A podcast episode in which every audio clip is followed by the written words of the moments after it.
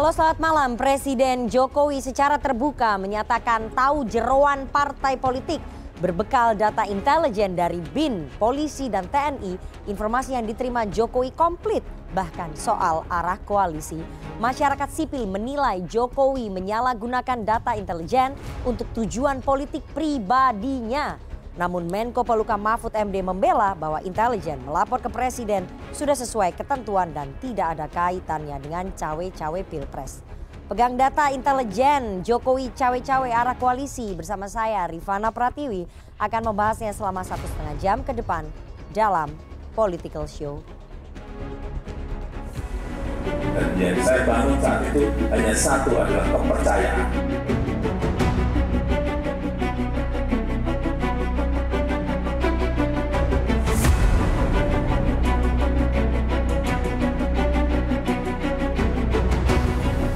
Saya tahu dalamnya partai seperti apa tahu.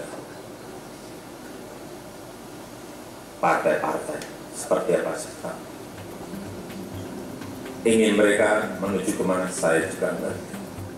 Presiden Joko Widodo mengaku memiliki informasi lengkap terkait arah politik partai-partai. Pernyataan itu disampaikan Presiden Jokowi dalam rapat kerja nasional relawan Sekretariat Nasional Jokowi di Bogor, Jawa Barat pada Sabtu.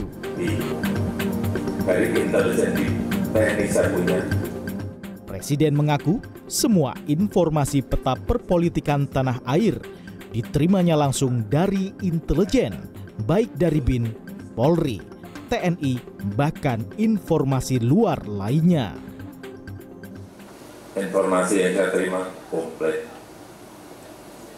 dari intelijen saya ada. B.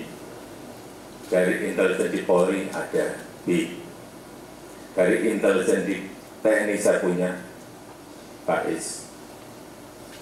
Dan informasi-informasi di luar itu. Angka data survei semuanya ada. Saya pegang semua. Dan itu hanya miliknya presiden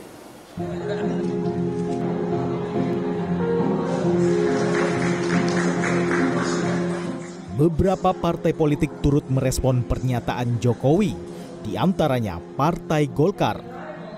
Ketua DPP Partai Golkar Dev Laksono menganggap jika seorang kepala negara mendapatkan informasi intelijen terkait arah koalisi partai adalah hal yang wajar.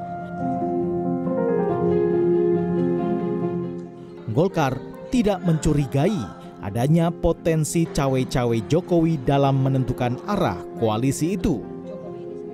Ya namanya seorang kepala negara ya, ya itu hal yang wajar gitu.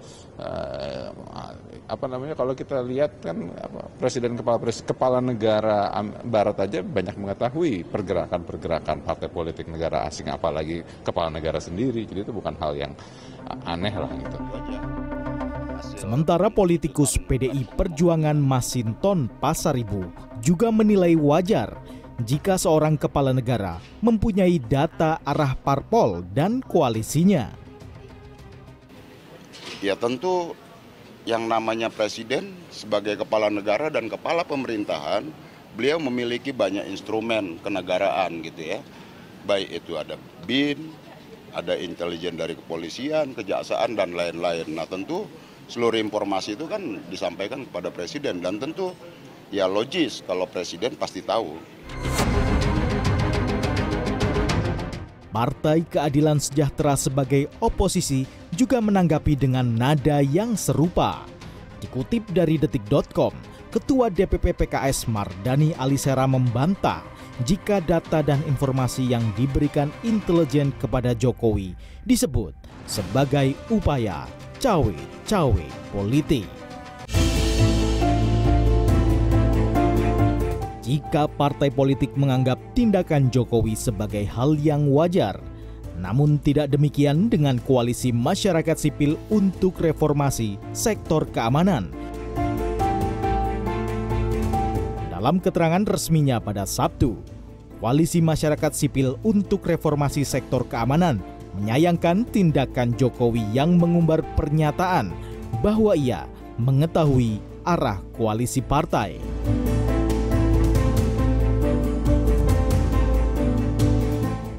Masyarakat sipil menilai tindakan Jokowi tidak bisa dibenarkan dan merupakan ancaman bagi kehidupan demokrasi dan HAM di Indonesia.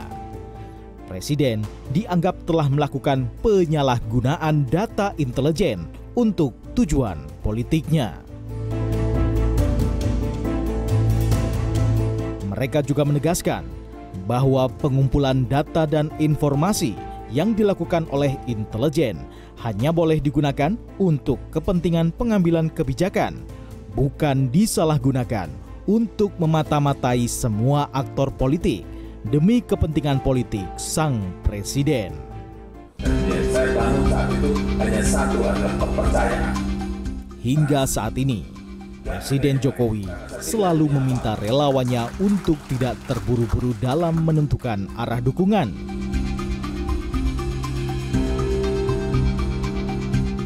Jokowi menilai koalisi partai politik yang dinamis jelang pendaftaran calon presiden dan calon wakil presiden ini masih belum rampung sepenuhnya. Tim Liputan CNN Indonesia.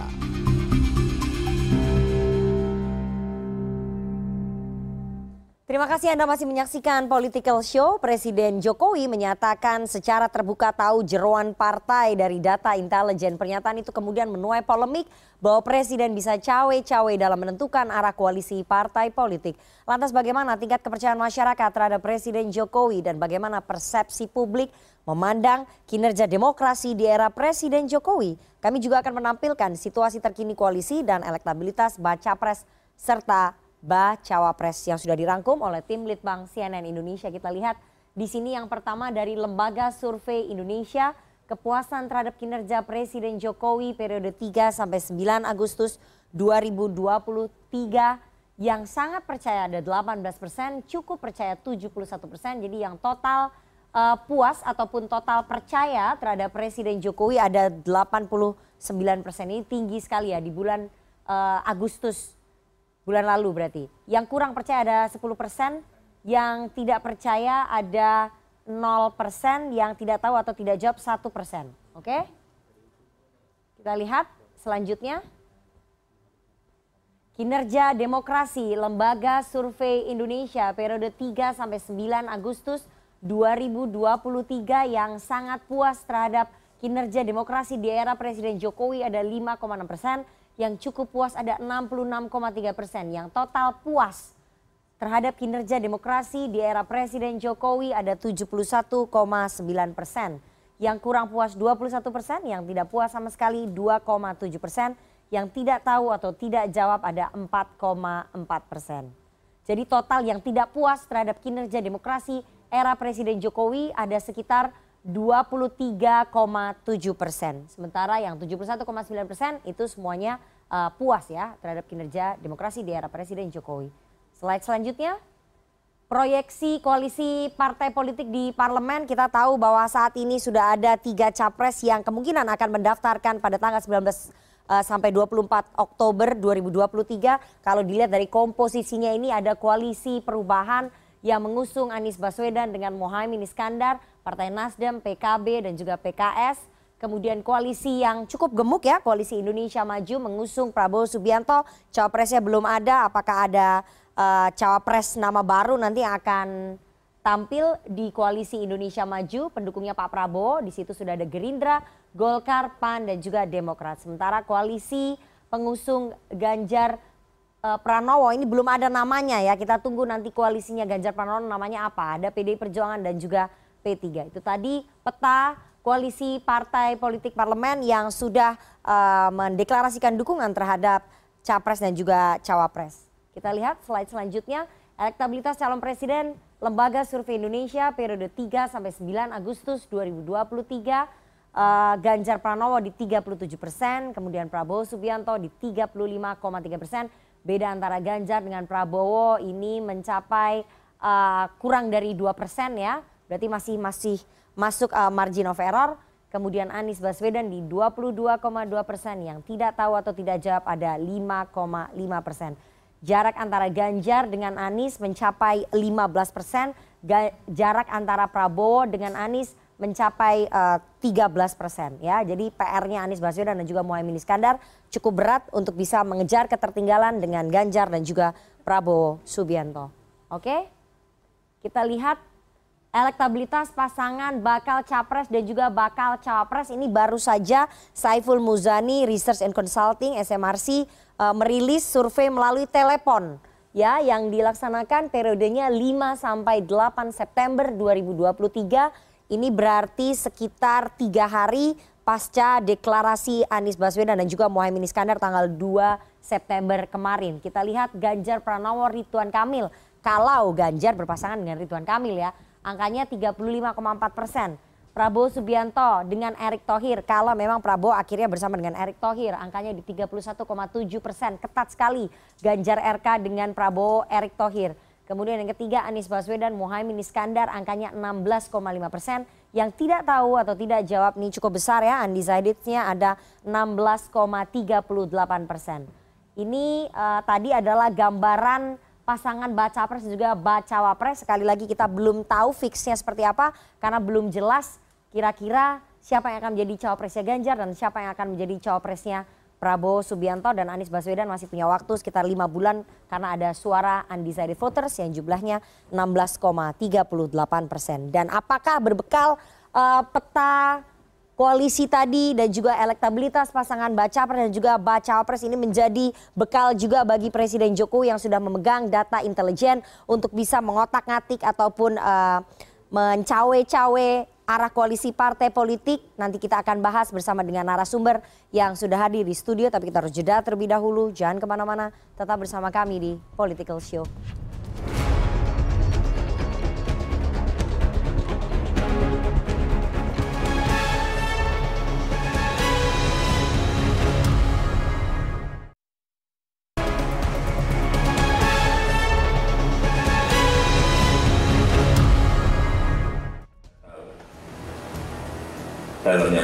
Seperti apa saja. Partai-partai seperti apa saja. Ingin mereka menuju ke mana saya juga enggak. Informasi yang saya terima komplit dari intelijen saya ada. Dan itu hanya miliknya Presiden.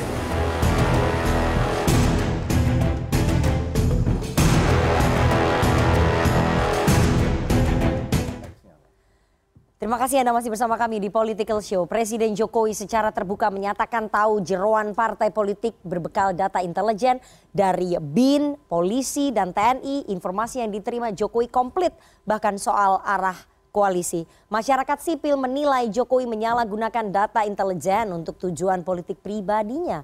Namun Menko Poluka Mahfud MD membela bahwa intelijen melapor ke presiden sudah sesuai ketentuan undang-undang dan tidak ada kaitannya dengan cawe-cawe. Pegang data intelijen Jokowi cawe-cawe arah koalisi.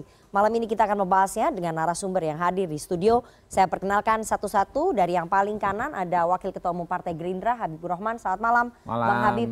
Kita hari ini ada dua Habib nih, nanti saya kenal yang satu lagi. Ada politisi PDI Perjuangan Adian Napitupulu. Selamat malam Bang Adian. Merdeka. Oke, ada tenaga ahli utama KSP Johannes Joko. Selamat malam Mas Joko. Malam Mbak. Ini ada Habib Abu Bakar Al-Habsi, ini yang drill Habib ya. Assalamualaikum. Sekjen PKS Waalaikumsalam ada Direktur Eksekutif dari Lingkar Madani, Bang Rey Rangkuti. Selamat malam Bang Rey. Malam. Dan seperti biasa kita selalu mengundang teman-teman uh, mahasiswa ya yang sudah bergabung melalui sambungan virtual. Malam ini ada Badan Eksekutif Mahasiswa dari Universitas Udayana Bali. Saat malam teman-teman dari Udayana, nanti teman-teman boleh mengkritik, bertanya dan juga memberikan pendapat memberikan concern bahwa kok bisa data intelijen dipegang oleh presiden untuk menentukan arah koalisi partai politik di pemilu 2024. Oke, saya langsung saja, saya akan langsung tanya ke istana tugasnya Mas Joko ini berat karena presidennya habis ngomong begitu. Mas Joko, uh, apa kemudian maksud dari Presiden Jokowi mengumbar ke publik bahwa beliau memiliki data intelijen baik dari BIN, kemudian dari Bais TNI dan juga Polri tentang jeruan partai politik. Ini apa maksudnya? Mengumbar ke publik ini apa? Untuk apa? Ya mengumbar ini kan karena framingnya cuma di framing yang dua menit terakhir. Hmm, hmm. Tapi kalau mau dilihat secara menyeluruh konteksnya, okay. Saya nggak yakin juga yang di sini ngelihat pidato presiden secara utuh. Hmm. Karena pidato presiden secara utuh itu 24 menit. Oke. Lah kalau cerita 24 menit ini itu ada ada satu konteks yang diletakkan dasar oleh Bapak Presiden Hmm. tentang bagaimana beliau memulai karir politik, bagaimana Hmm. mengarahkan Ya. bangsa ini dengan eh, membangun kepercayaan, lalu bicara tentang hilirisasi, kemudian bicara tentang eh, posisi bargaining Indonesia hari ini dan ini yang harus dilanjutkan. Kalau harus Oke. dilanjutkan berarti bicara kepemimpinan. Kalau bicara kepemimpinan berarti bicara pemilu 2024. Ya. Bicara pemilu 2024, kondisinya hari ini dinamika politiknya sangat tinggi. Oke. Dinamika politik sangat tinggi, banyak masyarakat yang hari ini was-was dengan Ya. menentukan situasi 2024. Dalam konteks itu Bapak Presiden mau mengatakan tenang saja gitu. Ini kalau penafsiran kami adalah tenang saja. Saya tahu kok datanya, ta- saya tahu kok situasinya partai politik hari ini bagaimana, saya tahu situasi kondisinya ada dari TNI ngasih informasi, dari Polri, dari BIN. Maka ya Indonesia hari ini semuanya dalam posisi termonitor, semuanya dalam koridor, masyarakat tenang saja, masyarakat terus berjalan karena ada dua momentum bersamaan nih, Mbak. Ya. Yang pertama momentum kesempatan Indonesia untuk lompat, Ya. tetapi saat bersamaan juga kita punya agenda konstitusi pemilu Hmm. 2024.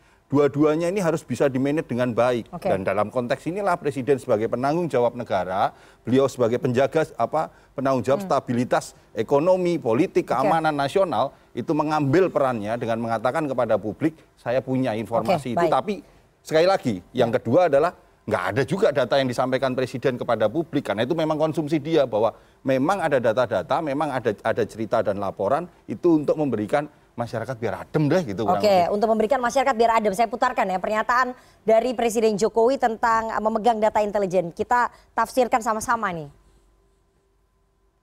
Saya tahu dalamnya partai seperti apa saya tahu. Partai-partai seperti apa saya tahu. Ingin mereka menuju ke mana saya juga enggak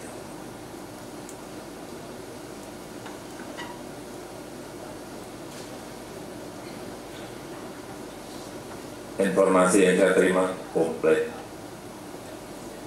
dari intelijen saya ada. B. Dari intelijen di Polri ada. B. Dari intelijen di TNI saya punya KIS dan informasi-informasi di luar itu. Angka data survei semuanya ada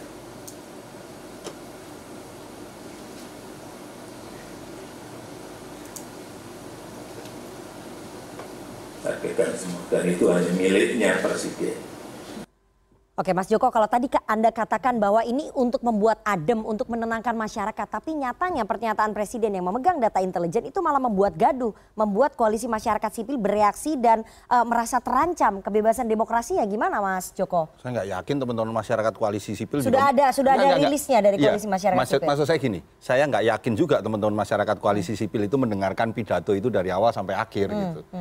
Bisa bisa juga, ini menarik juga dengan gimmick seperti ini orang nyari ini di YouTube. Oke. Pidato presiden itu sebenarnya apa sih lengkapnya bagaimana Hmm. sih gitu. Dalam konteks itu ini men- menjadi menjadi sebuah kekuatan bahwa cerita bagaimana bangsa ini harus melewati masa transisi pemilu Hmm. agar teman-teman yang hari ini berkompetisi itu bisa berkompetisi dengan sehat sehingga tidak menimbulkan segregasi dan goncangan-goncangan dan pasca pemilu 2024 kita masih bisa terus melangkah untuk menuju Indonesia Oke. maju. Kata kuncinya terakhir tadi yang disampaikan Ya. presiden itu milik presiden. Milik presiden dalam artian ya kalau kita, mau lihat nggak ada data yang dibuka oleh presiden juga tuh kemarin presiden hanya mengatakan ada ada seperti ini. Dalam kondisi seperti ini kalau kita mau melihat kalau kami yang di masyarakat saya sudah ketemu dengan beberapa teman-teman yang di bawah juga saya tanya apa yang kamu pahami pahami tentang ini. Mereka menjawabnya negara masih dalam on the track semua. Oke. Jadi semua situasinya semua sekarang masih terkontrol, terlepas bahwa sekarang ada jogetan, panggung-panggung, dinamika politik yang sedikit agak memanas begitu, tetapi ya, memanasnya memanas memanas dalam masih dalam koridor-koridor yang kita sepakati. Begitu. Oke, bahwa Anda katakan itu dipegang oleh Presiden sendiri. Uh, yang ingin kami tanyakan sejauh apa sebetulnya data intelijen yang dipegang Presiden? Apakah percakapan antara petinggi partai, kemudian kasus-kasus tertentu yang menimpa petinggi partai, skandal-skandal yang menimpa petinggi partai, itu semua dipegang oleh Presiden maksudnya? Enggak tahu saya. Oke. Lah kan presiden udah bilang itu datanya hanya presiden yang tahu. Ya sudah Oke. memang presiden. Jangankan Jangankan teman-teman di luar yang membuat penafsiran-penafsiran tentang data itu. Kami yang sehari-hari bersama dengan presiden yang bersama di dalam istana, kita juga nggak tahu data itu. Karena memang di situlah saya mau mengatakan dengan tegas, sikap Bapak Presiden sangat firm sekali untuk hmm. menjaga uh, demokrasi, untuk menjaga bahwa data-data intelijen dan segala macam yaitu hanya milik presiden. Hmm. Biarlah itu menjadi konsumsi presiden dalam dalam kerangka apa? Dalam okay. kerangka beliau menjalankan tugasnya penanggung jawab stabilitas keamanan, stabilitas ekonomi, stabilitas okay. uh, eh, apa uh, politik nasional. Itu yang harus dijaga. Tapi kan nggak ada jaminannya. jadi, jadi bagaimana bisa menjamin itu, Mas Nggak akan ada yang bisa menjamin, Mbak, kalau okay. dalam konteks seperti itu, Mbak. Yeah. Ini kan sekarang jaminan itu hanya bisa kita lihat dalam bukti bagaimana kerja-kerja sehari-hari. Karena saya menjadi sangat firm ngomong di tempat ini karena saya merasakan sendiri bagaimana Bapak Presiden dalam hal-hal seperti hmm. itu politik-politik pribadi kami nggak pernah dilibatkan. Okay. Tapi dalam konteks politik kebangsaan kami disuruh maju lebih depan karena memang okay. tugas profesional teman-teman di kantor staf presiden itu untuk profesional bicara Jadi tentang Anda meyakini bahwa data intelijen yang dipegang oleh presiden itu tidak disalahgunakan ataupun digunakan untuk kepentingan politiknya Presiden Jokowi. Anda meyakini itu? Ya kalau kalau seperti itu ya sangat yakin. Hmm. Kenapa? Semua presiden, bukan hanya presiden Ada Jokowi. itu? Gini, semua presiden, bukan hanya presiden Jokowi, hmm. bahkan presiden negara-negara lain memang yang namanya intelijen negara itu memang end usernya adalah presiden. Okay, okay. Dan dalam konteks okay. itu apakah itu digunakan? Ya kita lihat hari ini dan saya sangat percaya ya. sekali, bahkan sebagai pribadi, bagaimanapun juga di tempat ini saya katakan, presiden Jokowi itu adalah presiden yang lahir dari dari sistem reformasi dan sebagai okay. anak kandung okay. sistem reformasi dia akan tetap yakin dan hmm. pasti menjaga demokrasi itu. Masalahnya presiden-presiden di negara lain tidak mengatakan bahwa memegang data intelijen tentang arah koalisi ya, partai. Lebih, lebih baik ngomong dong. Kalau Pak Jokowi malah ngomong, tapi digun, apa dipakai kalau yang lain di, uh, kalau mungkin yang lainnya dia nggak ngomong tapi dia pakai okay. untuk kepentingan. Lalu Bapak ya. Presiden kan clear. Justru masyarakat sekarang dibuat aware bahwa yang namanya data intelijen. Jadi dan, dengan dan, dengan memegang itu tidak akan disalahgunakan ya? Ya sekarang malah sekarang kan ya? malah sekarang kan malah okay. masyarakat rame-rame mengawasi semua. Ya. Itu malah membuat sebuah sebuah apa ya sebuah langkah ke depan yang memang benar-benar dan ini bukan hanya tentang data intelijen. Yang hmm. namanya presiden pasti akan terima semua data yang dikatakan ada dari berbagai lembaga survei, masukan dan segala hmm. macam. Hmm. Ujungnya sekali lagi buat apa, Mbak? Untuk melakukan penangkalan okay. dini gitu okay. aja terhadap okay. antisipasi kemungkinan-kemungkinan yang yang ke depan justru malah membahayakan bangsa ini. Begitu. Kalau dari istana, dari KSP mengatakan bahwa ini sebetulnya pernyataan presiden memegang data intelijen tentang arah koalisi itu membuat adem menenangkan masyarakat, tapi apakah itu ada uh, dugaan melanggar aturan ataupun melanggar undang-undang? Saya akan tunjukkan ya pernyataan dari Menko Poluka Mahfud MD karena koalisi masyarakat sipil menilai apa yang dikatakan oleh Presiden Jokowi apa yang dilakukan oleh Presiden Jokowi itu melanggar aturan. Kita bisa tunjukkan di sini saya bacakan ya. Menko Polukam tanggal 17 September kemarin mengatakan bahwa ini bukan urusan cawe-cawe, itu nggak ada kaitannya. Ini presiden pasti punya intelijen, siapa politikus yang nakal, siapa politikus yang benar, siapa yang punya kerja gelap, siapa yang punya kerja terang. Itu punya presiden, oke? Okay? Soal melanggar aturan ada nggak? Oke okay, ada. Selanjutnya Pak Mahfud MD mengatakan bahwa presiden wajib diberi laporan setiap saat oleh intelijen. Itu ketentuan undang-undangnya. Apa gunanya ada intelijen kalau tidak boleh lapor ke presiden. Saya mau ke Bang Habib. Bang Habib, selain sebagai wakil ketua umum Gerindra, Anda wakil ketua Komisi 3 juga ya. Apakah ya. kemudian memang apa yang dilakukan oleh presiden memegang data intelijen untuk tahu jeroan partai politik ini tidak melanggar undang-undang karena ya. di undang-undang intelijen negara disebutkan. Saya paham. Pasal 17, mm -hmm. Undang 17 tahun 2011, tahun 2011. Anda kalau baca tujuan intelijen adalah menganalisa, memprediksi, mm -hmm.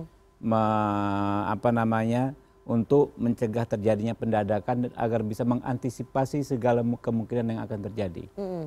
Kalau acuan kita pasal 5 ini, maka jangankan okay. uh, soal partai politik, besok ada sepak bola misalnya Persija lawan Persib, itu dianalisa datanya okay. seperti apa, kelompok supporternya rapat di mana, mau lewat jalur mana dan lain mm, sebagainya, yeah. kemungkinan rusuhnya. Atau kemarin misalnya ketika ada tokoh uh, yang mau pulang ya kan apa hmm. namanya uh, dari luar negeri siapa uh, nih maksudnya Habib, Habib Rizik, Rizik misalnya ya, kan ya kasusnya udah uh, lewat di, juga dipelajari pak di, ya, mbak, ya dipelajari ya, ya.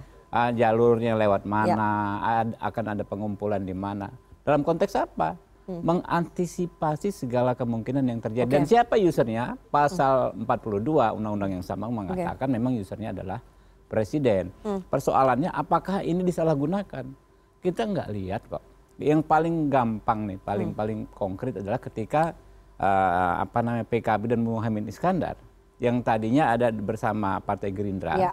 di koalisi kebangkitan Indonesia Raya tagline-nya adalah keberlanjutan. Ya. Artinya kurang lebih sama dengan misalnya Pak Ganjar ya. sama dengan Pak apa namanya Pak Jokowi. Hmm. Tiba-tiba menjadi wapresnya Pak Anies Baswedan yang hmm. tagline-nya adalah perubahan. Hmm. Kalau kalau dia menyalahgunakan, ya kan pasti diantisipasi jangan sampai kejadian. Faktanya dibiarkan, nggak ada masalah gitu kan, hmm. kan tidak dihalangi halang-halangi sedikit okay. dan itu yang belum kita lihat hmm.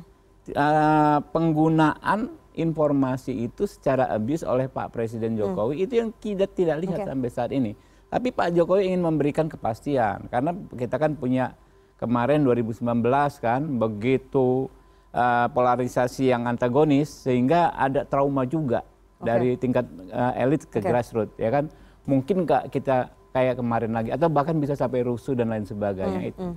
itu yang orang takut bukan hanya kita ya warga sipil termasuk investor termasuk apa namanya bisnis okay. pasar dia takut ya. prediksinya seperti apa nah itu yang pengen uh, yang saya tangkap ya kalau saya saya tadi coba lihat videonya itu yang ingin dijawab oleh Pak Jokowi situasinya hmm. fine sekarang semua pihak yang berkontestasi itu dalam konteks uh, apa namanya punya cita-cita yang kurang lebih sama okay. ya putra-putra terbaik bangsa ya Pak okay. Anies ya Pak Ganjar ya Pak Prabowo okay.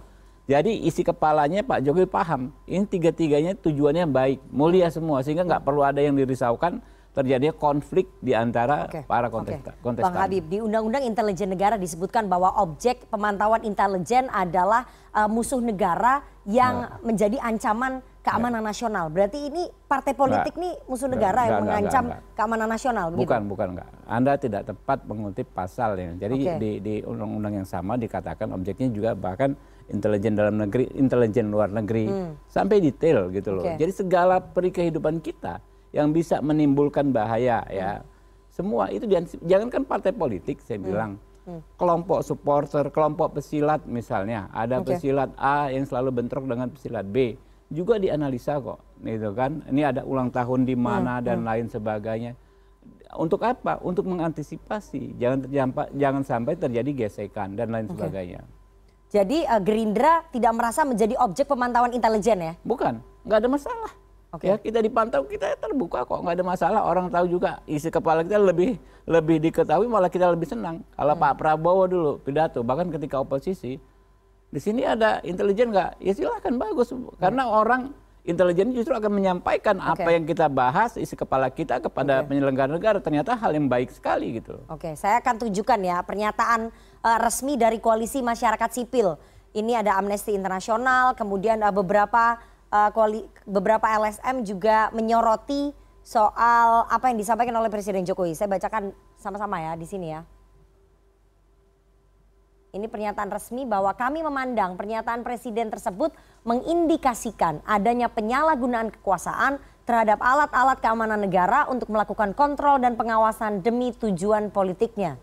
Itu yang disampaikan oleh koalisi masyarakat sipil selanjutnya bahwa dalam negara demokrasi partai politik bukanlah ancaman keamanan nasional sehingga sulit untuk memahami apa alasan intelijen dikerahkan untuk mencari informasi terkait data, arah, dan perkembangan partai politik. Saya mau ke PKS, Bang uh, Habib Abu. Ini soalnya ada dua Habib nih. Uh, Bang Abu, ya. apakah kemudian PKS merasa menjadi objek pemantauan intelijen yang itu tadi dikatakan oleh koalisi masyarakat sipil menjadi ancaman keamanan negara begitu, sampai harus dipantau gitu? Kalau saya justru silakan aja hmm. pantau. Oke. Okay. Jangan sulit-sulit. Kalau perlu kalau mau nanya tentang PKS, hubungi aja sekjen PKS. Kalau perlu di bawah tiker PKS kita bukain, nih PKS tuh. Okay. Jadi buat kami nggak ancaman. Hmm. Ya buat kami nggak ada ancaman. Jadi artinya presiden melakukan itu sebenarnya memang udah fungsinya. Hmm. Cuma yang jadi permasalahan kenapa harus diungkap ke publik yeah. gitu. Apa urusannya ke publik? Saya nggak bilang presiden bikin gaduh ya, enggak, hmm. enggak. Jadi kenyataan faktanya jadi membuat orang banyak pada ber tanya-tanya ada apa di balik ini PKS juga menanyakan itu ya bertanya-tanya kenapa presiden harus mengumbar ya kenapa itu harus ke publik ya memegang data intelijen jadi sebenarnya sih juga nggak ada dosa nggak ada apa-apa nggak ada masalah dan nggak ada pelanggaran gitu makanya kalau nggak melanggar lihat, demokrasi juga ya melanggar privasi dari partai politik uh, cuman begini apa pun jadinya kalau bahasa presiden itu akan tersentuh ke seluruh rakyat Republik Indonesia. Hmm, hmm. Termasuk partai. Oke. Perasaannya nyaman atau tidak nyaman tergantung kembali ke partainya. Atau kalau ditujukan ke partai mana sih yang dimaksud? Hmm. Atau tanda kutip mungkin ada sesuatu yang mau diarahkan. Ke partai mana yang dimaksud itu kan ke- nggak mungkin ke Ya, partai-partai mungkin, pendukung pemerintah. Berarti kan partai-partai yang berlawanan dengan Siapa pemerintah. bilang nggak mungkin ke partai pemerintah? Oh, Sesama jadi bisa. pemerintah aja ada gesek-gesek. Oke, berarti ada indikasi data intelijen itu Iya, juga biasa-biasa pemantauan aja. intelijen dilakukan ke partai-partai pendukung pemerintah, Sangat saling mungkin, intip sangat begitu mungkin. menurut Jadi, PKS. Nggak ada masalah. Jadi yang jadi permasalahannya itu adalah pertanyaannya ketika mengungkapkan ke publik kepentingannya apa. Oke. Oke, kalau ternyata dibukakan ke publik presiden itu tahu semua informasi, nggak ada masalah. Selama untuk kepentingan negara. Tapi kalau untuk kepentingan pribadi dan ke partai itu abuse of power. Oke. Itu yang nggak boleh. Hmm. Nah, tapi kalau sekarang ini ya faktanya jadi menjadi pertanyaan, ada apa di balik penjelasan ini? Hmm. Gitu. Jadi kalau menurut PKS eh, data intelijen yang dipegang presiden bukan hanya ke partai yang berlawanan dengan pemerintah ya, Enggak, enggak. dengan partai-partai yang di dalam koalisi pendukung pemerintah itu ini juga ada, ke juga seluruh dipegang. anak bangsa Indonesia di- diperhatikan oleh presiden. Oke. Dan presiden punya aparat yang begitu lengkap. Ada kabar Intelkam di Polri, ada Jamintel di Kejaksaan, ada Bais di TNI, ada BIN di BIN. Iya toh? Itu semua kan tidak lain bahkan end usernya kan presiden. Oke. kepada, enggak, kepada yang lain. Sungguh pun saya dengar pernah satu kali, ternyata Menko Polhukam pun pernah bercerita bahwa juga dia dapat informasi dari BIN. Ya, ya. Ya dapat juga. Jadi artinya apa yang dilakukan ini sebenarnya tidak hal urgen-urgen amat. Jadi bikin permasalahan jadi masyarakat jadi tambah sibuk yang sebenarnya lagi sibuk Oke. ingin pemilu. Oke, tapi ini bukan eh, dilihat sebagai kontrol terhadap eh, partai politik ya? Nggak ada kontrol dan masalah. juga pengawasan terhadap partai Nggak politik. ada masalah. PKS melihat begitu? Kalau hanya dipentingkan untuk dirinya sendiri membaca nggak ada masalah. Tapi kalau kepentingan partainya, ah masalah. Itu apa jaminannya? Kan nggak bisa ada jaminannya itu. Ya itu jaminannya jadi abuse of power. Oke. Bisa mengarah ke sana? Oh bisa, tetapi kalau cuman dia sebagai end user, Hmm, dia hanya mengatakan iya saya ini, tapi tidak digunakan untuk apa-apa, Oke. it's okay. Buat apa salahnya? Oke. Sebentar saya kasih pantun dulu Ya, biar enak. silakan. Ini kita acaranya belum selesai. Iya, santai ya, pantun banyak, ada Ya, ya, delapan. ya, udah silakan pantun dulu. Gimana ini kita lagi mau dialog dia malah. Gadis manis pipinya merah, Oke. segera datangi untuk lamaran. Cakep. Pak Jokowi itu presiden yang amanah, Terus? pasti gunakan intelijen tanpa pelanggaran. Oh, itu maksudnya sindiran ya? It's Atau okay. pesan? Oke, it's okay. Saya mau ke Bang Adian. Bang Adian, itu tadi dikatakan kalau misalnya data intelijen hanya dipegang oleh presiden saja sebagai data pribadi itu gak ada masalah. Tapi kalau dipakai untuk kepentingan dari partai politiknya, itu yang menjadi masalah. Itu bentuk abuse of power. Silakan. Begini, begini, begini Mbak.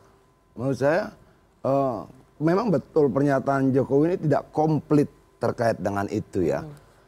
Tapi ada batas-batas dan ruang-ruang demokrasi yang kita harus kita pertahankan. Misalnya begini, boleh nggak tanpa alasan, tanpa apa saya disadap? Gak boleh dong. Oke. Itu kan ada privacy. Tuh. Artinya pertama, ruang-ruang kebebasan kita untuk berpikir, untuk berdiskusi, untuk berbicara satu dan yang lain, itu tidak boleh menjadi objek penyadapan, objek dimata-matai dan sebagainya dan sebagainya. Pertanyaan saya adalah, apakah itu maksud yang termasuk disampaikan Jokowi atau tidak? Sejauh Ka- da- sedalam apa ya? kalau itu yang termasuk, itu nggak betul. Itu tidak betul. Oke.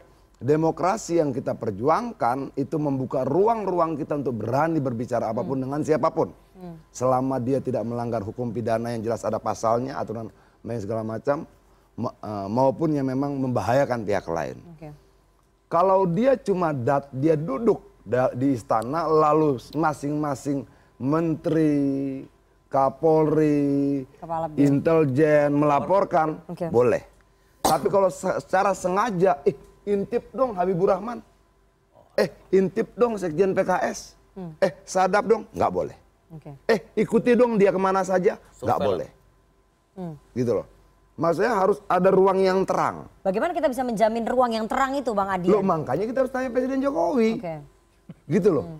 Tanya sama dia, maksudnya apa? Tapi kalau cuma dia duduk, intelijen melaporkan, semua harus lapor ke dia, betul. Tapi kalau dia perintahkan, eh mata-matai Adian, oh saya marah. Oke. Eh Adian tanggal berapa dia pergi ke mana segala macam, itu saya marah. Eh dia ketemu dengan siapa saja. Jam berapa dia ketemu istrinya, jam dia, berapa dia jemput anaknya dan sebagainya. ada langkah-langkah ke arah situ. Oke. Tiba-tiba handphone saya disadap. Oke.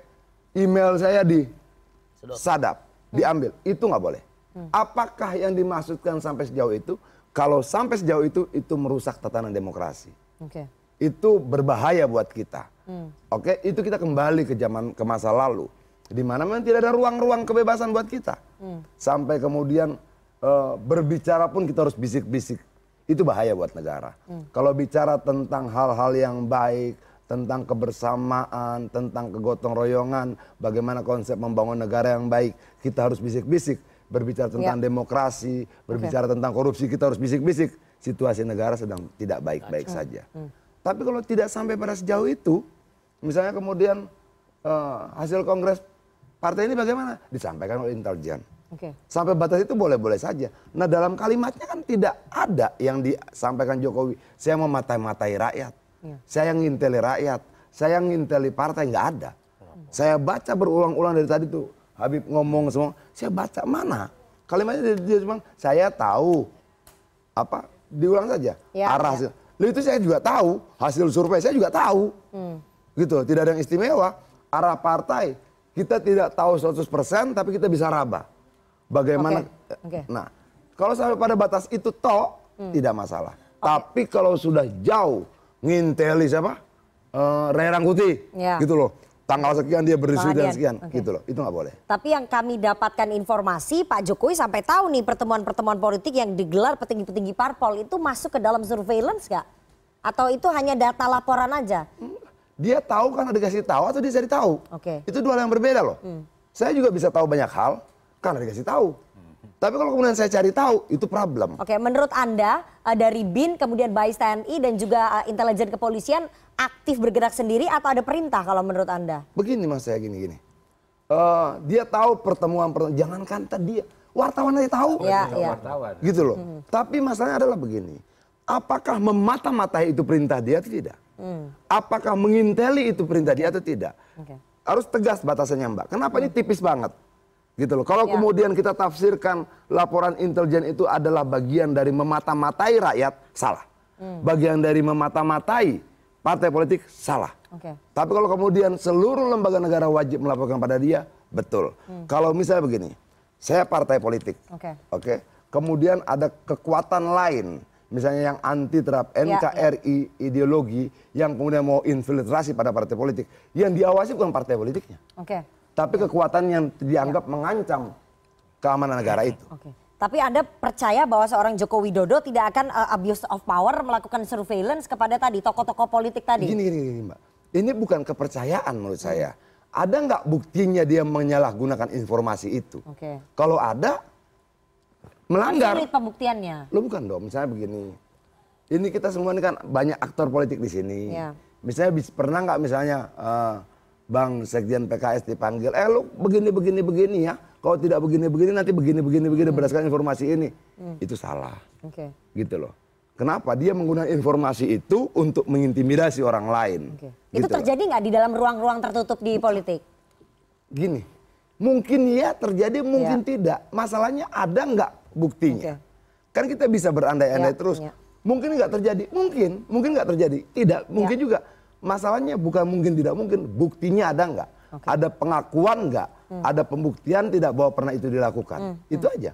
Oke, saya mau ke Bang Rey. Bang Rey, eh, pembuktiannya tuh sulit ya untuk memberikan eh, pembuktian, memberikan jaminan bahwa tidak ada abuse of power, eh, tidak ada abuse of power yang dilakukan oleh Presiden Jokowi dengan memegang data intelijen. Tapi yang jelas ada kekhawatiran dari koalisi masyarakat sipil bahwa ini mengancam iklim demokrasi dan ini bentuk otoriat, otoritarianisme.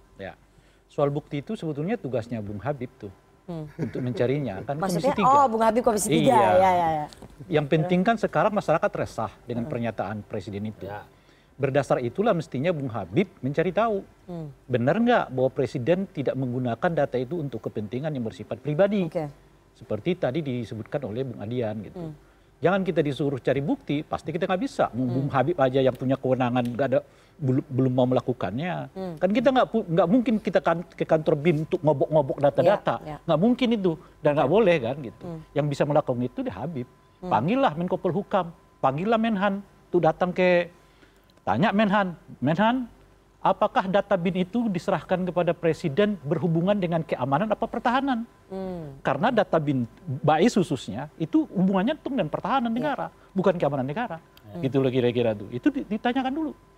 Karena ini ada hubungannya menurut saya dengan faktor kedua. Hmm. Faktor keduanya apa? Faktor keduanya inilah cara pandang kita selalu Hmm. yang melihat musuh utama bangsa itu bukan asing tapi warga negara sendiri. Hmm. Sehingga semua orang perlu ya Di surveillance. Ya, gitulah sebagainya gitu. Oke. Coba Anda bayangkan, BIN masuk datanya soal partai. Kalau benar pernyataan presiden kan, Ya. Bais yang dibicarakan, yang dilaporkan soal partai. Kan presiden mengatakan laporan ini masuk semua. Hmm. Betul, dari semua Bais, itu dari adalah- Polri, dan dari Ya, masuk partai. Emang partai-partai ancaman pertahanan negara? Ya. Kan kira-kira gitu. Hmm. Mestinya Habib tersinggung. Kok kita dianggap ancaman negara? Kita ini organisasi resmi. Dan pernyataan presiden itu disampaikan kepada yang namanya apa ini tadi itu Relawan, relawan. ya. Relawan itu hubungannya cuma dengan presiden kok. Hmm. Kalau disebut ini urusan publik, urusan publik untuk menenangkan publik, menenangkan publik bagaimana? Ada Mestinya yang ada dipanggil ketua-ketua partai oleh presiden. Saya jelaskan. Menurut data yang saya kumpulkan, mudah-mudahan pemilu kita ini akan aman. Itu yang disebut dengan pernyataan publik karena disampaikan kepada partai-partai politik Oke. yang sah. Yang peserta pemilu, bukan kepada relawan. Kan relawan ini siapa bagi presiden? Jadi Aku- pernyataannya salah, tem- eh, yang ditujukan itu- juga salah. Itu makanya message-nya kemudian yang tertangkap oleh kita jadi kok bisa begini ya gitu. Hmm. Sampai presiden mengatakan ini loh kalimat saya tahu kok arah koalisi Hmm. gitu. Itu saya nggak tahu antara tahu dan menduga itu kan dua hal yang berbeda Saya- juga. saya- saya- maaf, Itu kira-kira. Sedikit, Oleh boleh. tahu itu Tidak ada pernyataan bisa saya tahu arah koalisi loh. Ada, ada, Ada. pernyataan. Coba, coba, ada coba, ada. coba. Nanti kita, ada, kita- ada pernyataannya tadi. Nanti kita ulangi. Saya tahu arah koalisi kata presiden. Kalau tahu itu dengan menduga itu udah benar. Saya menduga koalisinya akan begini. saya tahu partai, arah partai. koalisinya akan begini. Nah, pertanyaannya dengan tahu presiden dengan arah koalisi tentu dihubungkan lagi dengan pernyataan cawe-cawe ya kan macam-macam dan seterusnya itu. Itu yang kedua. Nah, yang ketiga, ini juga menurut saya membuat kita menghadapi pilu ini makin cemas. Hmm. Kenapa gitu? Lah presiden mengerahkan semua infrastruktur yang ada pada Ya. dirinya untuk Oke. Cawe-cawe dalam pemilu. Jadi ini pernyataan ini menunjukkan bahwa presiden cawe-cawe. betul, langsung betul. dulu. Enggak, Oke. dalam Oke. statement presiden benar yang dikatakan Adian. Arah presiden, partai. Presiden tidak pernah ngomong arah koalisi. Tapi arah partai. Tapi presiden mengerti partai ini arahnya mau ke mana sih sebenarnya. Oke, itu Cara- beda ya cara- dengan bukan, koalisi bukan ya. itu juga. Jadi gini, arah partai. Kalau arah partai Coba, coba teksnya, te- Ya teksnya teks. jelas. Saya tahu dalamnya partai seperti apa, partai-partai seperti apa, ingin mereka menuju ke mana. Oke, Saya kita juga putarkan ngerti. lagi aja deh, biar dengar sama-sama ya. Ingin perlu, menuju nggak perlu, ke mana? nggak Oke, perlu. sebentar, sebentar. Ingin Kita putarkan lagi aja, nggak apa-apa. Biar nggak ada bukan kita putarkan. Ini bukan Bukan, ini Sebentar, perlu kenapa Kita bahwa putarkan. dalamnya partai seperti apa saja. Partai-partai seperti apa saja. Ingin mereka menuju ke mana saya juga enggak tahu.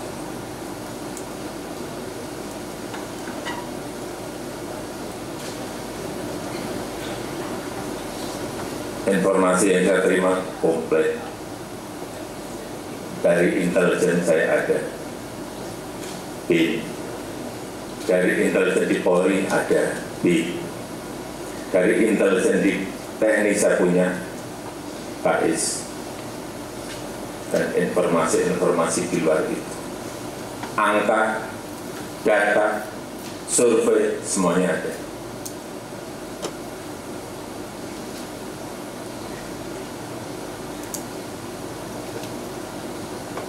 saya pegang semua dan itu hanya miliknya presiden Oke, arah partai eh, arahnya ke mana beliau tuh tahu. Iya sebenarnya gini Mbak, kalau arah partai ke mana baca ADART-nya aja.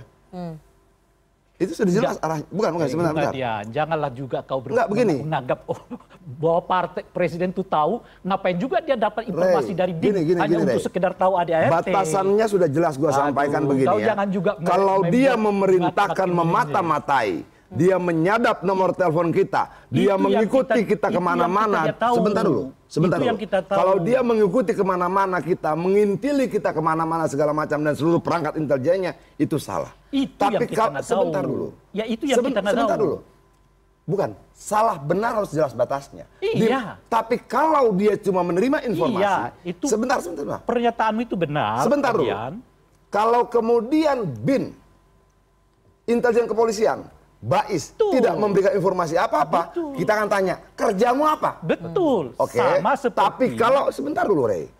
Enggak, kita sama-sama mau menjaga demokrasi toh. Betul. Tapi kalau kemudian Betul. dia memerintahkan sadap Nah, telepon Rangkuti. Sekarang pertanyaannya adalah siapa yang bisa membuktikan Menjamin. bahwa presiden tidak Nah, kita itu? sedang tidak dalam rangka membuktikan. Oke? Kan itulah makanya saya Kita mengatakan sedang membahas pernyataannya. Gini, gini. Itu Jadi jangan pernyataan ini. menafsirkan lebih jauh dari apa yang dinyatakan. Pernyataan ini gini, Pak. memberi indikasi bahwa presiden Mendapat Udah, udah, laporan saya udah tentang dapat poinnya. hubungan dalam politik dalam negeri. Ana. Masa Oke. kau nggak bertanya? kan? Diulang. Masa bin urusannya dengan partai? Ini udah diulang kan? Masa Bais urusannya dengan partai? Kalau Masa kau nggak bertanya? Oke. Itu satu. sebentar. Yang kedua, Yang masa kau nggak yang di- bertanya Adian? Presiden benar seperti pertanyaan tadi. Apakah presiden ini hanya informasi tok atau memang presiden mengarahkan tertentu? Nah, kalimat Itulah dia, yang dicari. kalimat dia, Ya. dia menerima, bukan memerintahkan. Iya, Bu gitu loh. Bahwa kemudian semua semua informasi intelnya itu bisa beririsan. Ada partai misalnya yang kemudian bekerja sama dan apa segala Ya. macam, tapi itu tidak menjadi objek memata-matai, tetapi dilaporkan oleh intelijen karena informasi yang dapatkan. itu? Ya boleh. Itu kan- Tapi kalau kemudian ada perintah negara mata-matai Oke, oke, partai sebentar. politik, Oke. inteli partai politik sebagai Bung institusi Adian. demokrasi, Oke, sebentar. tidak Kalau- saya boleh partai politik mata-matai. Kalau gini dulu. Kalau Habib. presiden menyatakan saya memerintahkan, itu nggak perlu lagi kalimat itu sendiri sudah jadi bukti. Loh, Oke, makanya dia tapi sama- kalau presiden mengatakan saya tahu, berarti pertanyaannya adalah dari mana beliau Tenang tahunya? dikasih tahu. Ka- oleh dikasih tahu, Oke, diperintah nggak? proses maka perintah atau tidak itulah yang perlu Loh, dipertanyakan bukan. oleh Kan Komisi ada job list-nya. Oke, Apa silakan. yang diperintah, saya, apa yang tidak mestinya diperintah. kan Anda sudah bertanya, mosok bin diperintah atau mem- memberi laporan soal partai? Kan mestinya pertanyaan mulai dari Iya. situ. Oke, oke, sebentar. Kerjanya mau partai? Sebentar ya, itu, satu-satu apakah ya. cuma Gitu aktivitasnya? Oke. Misalnya begini, ada kelompok-kelompok lain yang kemudian tiba-tiba hilang tidak terdengar Ya, suaranya kalau ada ke- bla bla. Oke. Kalau Seperti- kembali ke pernyataan presiden, Harusnya yang dimata-matai. saya Satu-satu, mendapat satu-satu. semua informasi komplit. Bapak-bapak, saya Itu harus kasih kesempatan Bu. dulu. Sebentar, silakan Bang Habib. Jadi gini, kita repot juga kalau menilai pernyataan lisan sepotong-sepotong semua, ya kan? Iya. Itu satu. Tapi apa yang disampaikan rekan-rekan koalisi masyarakat sipil termasuk Bung Rai itu bagus semangatnya. Bagaimana mengingatkan penyelenggara negara tidak melakukan sesuatu yang tidak by law Oke. sesuatu yang tidak sesuai dengan hukum. Saya dengan Pak Ustadz Habib Abu pernah belajar soal penyadapan ya, kita Iya, bongkar iya. ke beberapa negara. Kita tahu sekali batasan penyadapan yang sah atau tidak sah. Ya, dan penyadapan itu hanya salah satu cara intelijen untuk eh, dalam melakukan kerjanya. Hmm, Banyak cara-cara lain untuk men- mengumpulkan informasi. Oke, Seperti yang ada sekarang ini, ya kan? Hmm. Yang paling penting ini kan sekarang apakah ya eh, pengumpulan informasi tersebut dilakukan sesuai hukum atau tidak? Yang kedua, ya kan, apakah hasilnya digunakan untuk kepentingan ah, pihak Itu tadi yang tertentu atau tidak? oleh Nah, nanti, nanti, nanti, nanti. Ya. Lebih tepatnya Untuk membuktikannya, untuk gini, gini, negara. dalam premis dalam hukum, ya kan, siapa yang menuduh itu yang membuktikan. Karena susah sekali, lokus dan tempus deliknya susah Oke. sekali. Kalau begitu, Oke. Ya, makanya Jadi nanti, siapa nanti yang dulu, menuduh nanti harus dulu, nanti membuktikan. Nanti dulu, nanti dulu. Begitu Nanti dulu. ya? Fakta-fakta ya yang kita lihat ya, banyak kejadian-kejadian politik yang yang yang apa yang saya sebutkan tadi.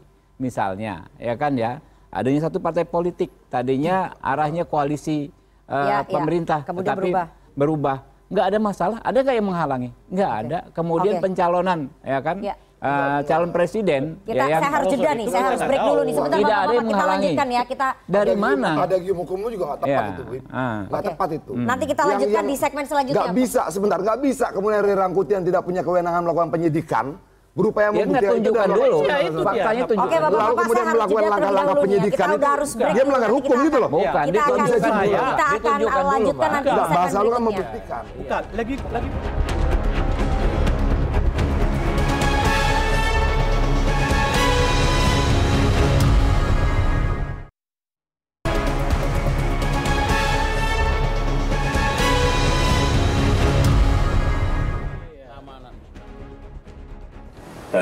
partai seperti apa saja. Partai-partai seperti apa saja. Ingin mereka menuju ke mana saya juga enggak. Informasi yang saya terima komplit dari intelijen saya ada. Dan itu hanya miliknya Presiden.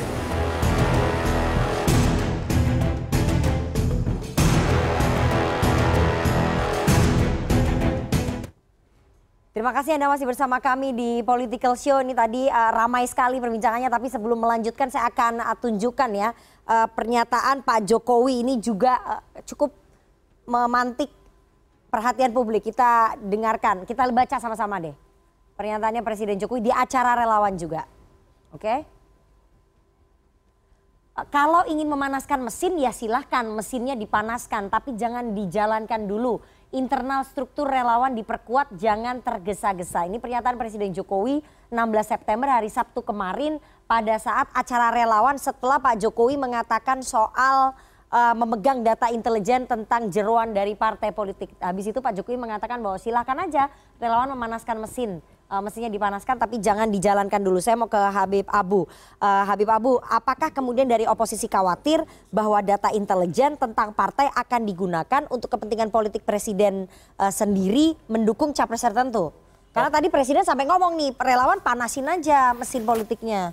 Kalau dalam dunia politik kekhawatiran itu mutlak. Hmm.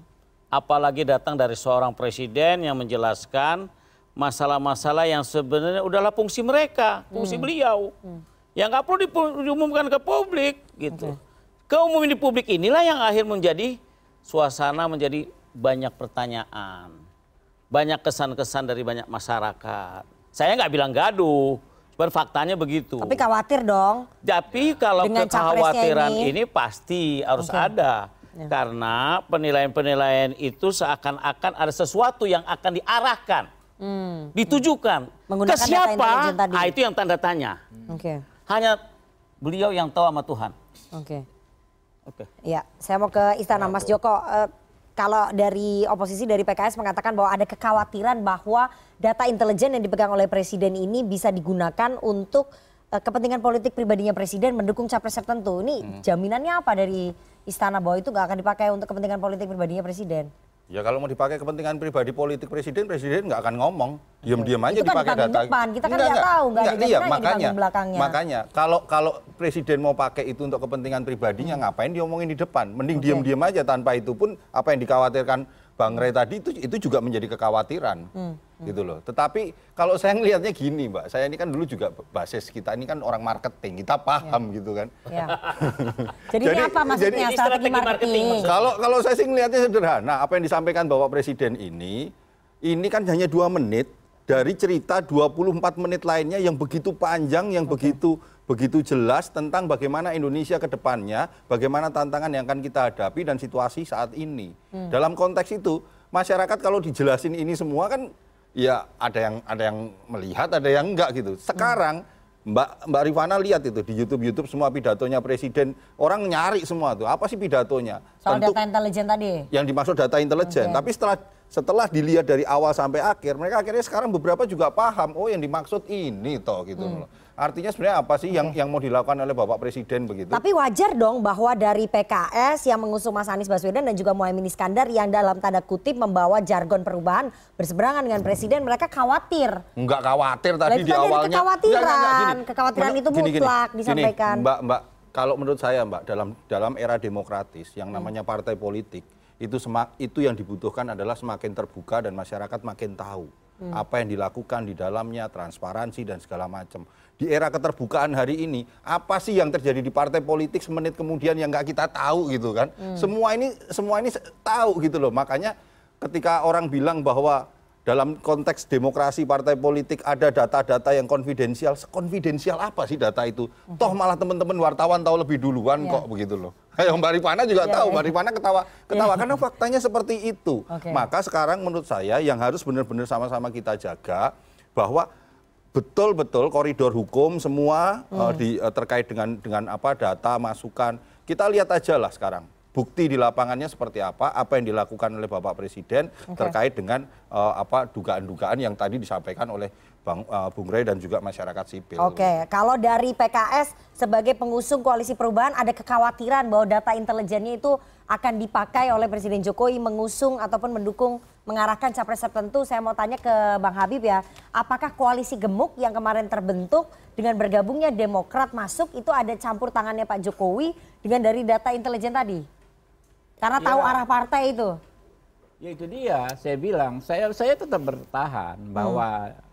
apa yang apa menjadi tradisi di dunia hukum Hmm. Siapa yang mendalilkan itu yang membuktikan. Sekarang oke lah kita perluas dalam konteks politik. Siapa yang mendalilkan dia berkewajiban menunjukkan di mana itu hmm. kan ya. Hmm. Oke, di mana apa apa namanya letak Pak uh, Pak uh, Jokowi ya menggunakan data intelijen hmm. untuk membuat Partai Demokrat misalnya bergabung. Uh, bergabung.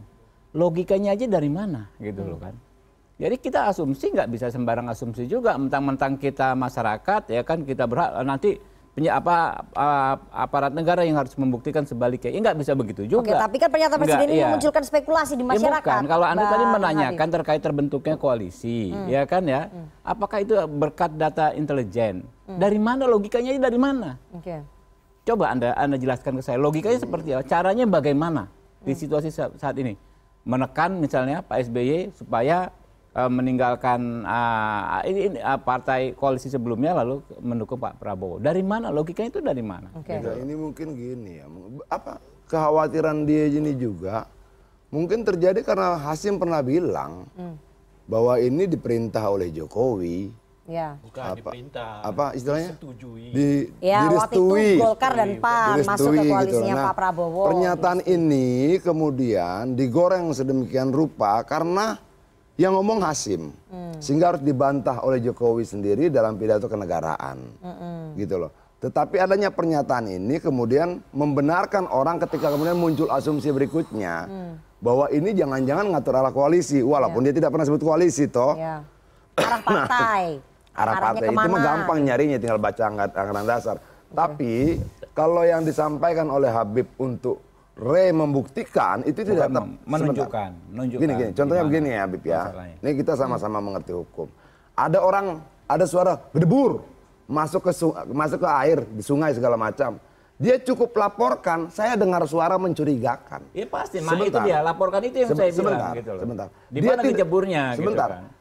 Dan dia di mana? tidak butuh membuktikan laporannya. Ya, pasti sama persis. Okay, yang Anda okay. sampaikan sama persis okay. yang saya sampaikan. Yang lu sebutkan kan membuktikan. Bukan, itu ketika gini, di politik proses tunjukkan saja gitu. Proses loh. pembuktian secara hukum itu hanya bisa dilakukan oleh mereka yang punya kewenangan hukum. Itu salah dia, Ya, okay, bukan, kita itu harus dijelaskan sehingga ketika dia menyampaikan asumsi tidak bisa juga dia dicurigai. Bukan. itu dan, satu. Dan wajib yang kedua. untuk Tapi logikanya di mana gitu. Sebab, itu yang kedua, dulu, Bung. Gitu. Ini ini proses politik enggak ada bukan enggak ada hubungannya tapi tidak bisa tidak bisa serta merta disamakan dengan proses hukum. Oh justru makanya saya katakan. Itu saya. Saya, bikin, saya lebih Jadi, jauh ketika, lebih longgar. Ketika sebagai logikanya di mana? Kalau anda ketika, katakan tadi misalnya Rifana menanyakan hmm. terbentuknya koalisi ini adalah anda akibat dari. mau logikanya dari, atau ya, mandi? Mana? Silakan. Mandi tadi kan Anda minta bukti. Bukan. Ya, kalau minta Bukan. bukti itulah saya minta ya, wakil kan, saya di DPR ya kan, itu berasumsi, untuk membuktikan tetapi itu. logikanya dari mana? Ya, logikanya kalau katanya kejebur, kejeburnya di mana? Itu yang disampaikan. Ya, gini, kalau kalau Anda gini, hanya menyampaikan kalau terkait secara liar, kalau saya nggak saya nggak diskusi soal ini tidak akan menjadi ramai. Saya tidak diskusi soal kalau kemudian tidak ada pejabat-pejabat partai yang kemudian mengatakan koalisi ini atas restu, atas izin atas perintah. Nah, kalau In, saya sebentar, sebentar dulu. Ada juga yang okay. atas izin atas perintah. Lu jangan ngarang-ngarang. Ada. Lu baca dulu. atas perintah. Lu baca dulu. Ngarang, ada ngarang. Saya tidak ada ada YouTube. Benar nih. Ini ada YouTube. Benar nih. Benar nih orang. Jadi saya tidak ini sudah menuduh. Ya lu ngomong YouTube-nya ada gimana? Ya, sebentar Bapak-bapak ini penonton enggak denger ini. Ada ada YouTube-nya dia ngomong di depan banyak orang. Tidak saya ada. Saya ada. Enggak usah gini. Tapi saya enggak bicara kasus ini bukan hal yang lu harus saya. Enggak, ngapain lu Lo ada? jangan asal nuduh gitu. Nuduh loh. gimana? Lo lah bilang ada, enggak ada. Memang ada, kalau ada gimana? Kalau ada gimana? Enggak ada. Kalau ada? Nggak ada. Kalau ada? Enggak ada. Nggak Kalau ada? kalau enggak ada bagaimana? Enggak ada. Nggak ada kok. Enggak ada. Kenapa? Lo kenapa? Orang ada kok jelas. Enggak ada kok. Oke, Lu mau membantah ya. pernyataan ini perintah. mau Lu mau membantah pernyataan Oke, Hasim? sebentar. Ah, Sebentar ya. Ini koalisi pemerintah dua-duanya berantem Bentar dong. Istana bingung kan? Dia, dia membantah pernyataan Hasim keren juga nih, menarik juga nih. Nanti kita Gitu bahas di episode berikutnya ini kalau dong. memang gitu. Tapi saya mau tanya lagi ke Bang Rey. Bang Rey, eh, apakah kemudian dengan data intelijen yang dipegang oleh Presiden Jokowi, baik itu dari data BIN, kemudian data intelijen kepolisian dan juga BAIS TNI, itu semuanya satu barisan dengan Presiden atau memang ada faksi-faksinya juga? Presiden bisa memakai data intelijen dari BIN untuk ke sini, kemudian Wah, data intelijen itu dari kepolisian. bahaya. Terlalu jauh dong itu. Itu tentu saja kita nggak tahu. Itu- tahu. Saya hanya mau mengatakan begini. Sejatinya kalau informasi dari BAIS dan BIN itu berhubungan dengan pertahanan negara. Nggak ada hubungannya dengan partai politik. Oke. Kepolisian mungkin, Intelkam, ya, Intelkam mungkin. gitu ya. Itu hubungannya mungkin dengan keamanan. Nah persoalannya adalah presiden mengkomplitkan itu semua. Bahwa baik informasi BIN, BAIS, ya, Intelkam macam-macam itu disebut dengan ujungnya adalah oh tahu kok saya tujuan partai-partai ini. Tentu saja muncul pertanyaannya, apakah kerja BAIS Bi- Bi- BIN itu memang untuk ngintelin partai politik atau tidak? Atau mereka betul-betul fungsinya hanya untuk ya ngintelin akan munculnya uh, gangguan terhadap pertahanan nasional. Nah itulah pertanyaannya. Gimana menjawab pertanyaan ini? Nggak ada, kita nggak punya. Yang bisa menjawab itulah Komisi 3. Oke. Nah oleh berdasarkan itulah Komisi 3 ki- sebagai rakyat saya minta Oke. supaya apa namanya itu memanggil Menko Polhukam setidaknya atau Menhan untuk menjelaskan apakah ada alat negara dalam hal ini intelijen yang sejatinya berfungsi untuk ya melakukan pengintaian terhadap kemungkinan adanya apa namanya ancaman terhadap pertahanan negara? Dari partai politik gitu ya. tapi justru kemudian lebih banyak ngintelin partai, Partai politik, politik, oke. itu satu. Karena saya juga kemudian menjadi khawatir. Jangan-jangan apa yang diinginkan oleh presiden untuk aman ini malah yang dimunculkan ketidaknyamanan bagi saya. Sebab Hmm. Oke. saya bisa juga jadi jadi dintelin lebih dari itu apakah KPU dan Bawaslu juga nggak dintelin nantinya Oke. dan itu Oke. makin jadi bertanya loh kok kayaknya presiden makin jauh nih Hmm. Nah, pertanyaan untuk membatasi pertanyaan itulah Komisi 3 punya kewenangan itu. Oke, Bang Habib eh, Abu Komisi tiga sebagai anggota Komisi 3 sebentar ini Komisi Komisi tiga juga. 3. Kalau Anda kan tadi bilang nggak ada masalah presiden, tapi ini Komisi 3 yang merasa khawatir. Ini Habib Ah, Abu Habib eh, lah. Akan mendorong nggak ini untuk memanggil Menko Polhukam memastikan bahwa tadi tuh instrumen-instrumen data Kalau ada permintaan dari masyarakat nggak ada masalah. Kita biasa, kita kan wakil rakyat. Nah, Ketika ada masyarakat sipil Ya, ini seperti kan Anda khawatir, PKS khawatir, masa nggak mau mendorong? kita sebagai koalisi khawatir, kalau PKS sih nggak ada khawatir. Oke, Kalau sebagai koalisi, koalisi ini kan menyangkut persaingan presiden. Oke, Per- pe- apa berpacunya sesama calon. Hmm. Kalau PKR sendiri sih biasa-biasa saja. khawatir nggak bahwa data-data itu dipakai untuk eh, lawan politik yang berseberangan? Eh, kalau itu yang terjadi, itu yang abuse of power. Oke, makanya dengan khawatir itu perlu nggak memanggil Nggak usah kalimat khawatir terus yang ditanyakan. Oke. Tapi Per- kalau memang itu terjadi, itu abuse of power. Makanya Seorang perlu nggak memanggil. Menko Polhukam untuk menjelaskan Kalau tadi? permintaan dari masyarakat itu ada, oh kami akan bilang Pak Ketua, mari kita panggil mitra. Kata Pak Ketua, oke. Siapa Pak Ketuanya? Ini salah ketua. Ya, ini ketuanya nih. Ini kan ketua saya.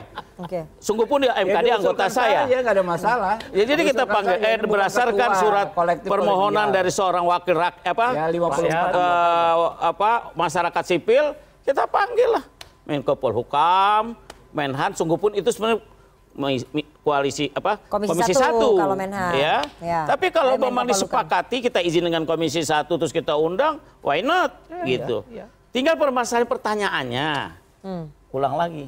Ya. Apa urusannya harus mengumumkan hal begini? Oke, apa Itu urusannya? permasalahannya. Itu kembali lagi itu tadi. Jadi itu aja. Jadi Coba tenang-tenang saja. Nggak ada apa-apa nih kita sedang menghadapi pemilu. Itu yang salah mereka lah. Ah? Oke. Ini yang salah bikin temanya. Ya enggak dong, ini kan karena presiden menyampaikan kok jadi dilempar ke kita nih Bang. kalau Kalau presiden nggak menyampaikan itu kan masyarakat nggak resah. Koalisi masyarakat sipil nggak ini. Silakan dari istana Mas. Enggak gini, eh, sejauh ini kan yang kita bicarakan ini kan seolah-olah kita hanya melihat ancaman itu kan dari dalam negeri semua. Tetapi kita makanya dengerin deh pidatonya presiden secara lengkap Oke. dari mulai awal sampai akhir.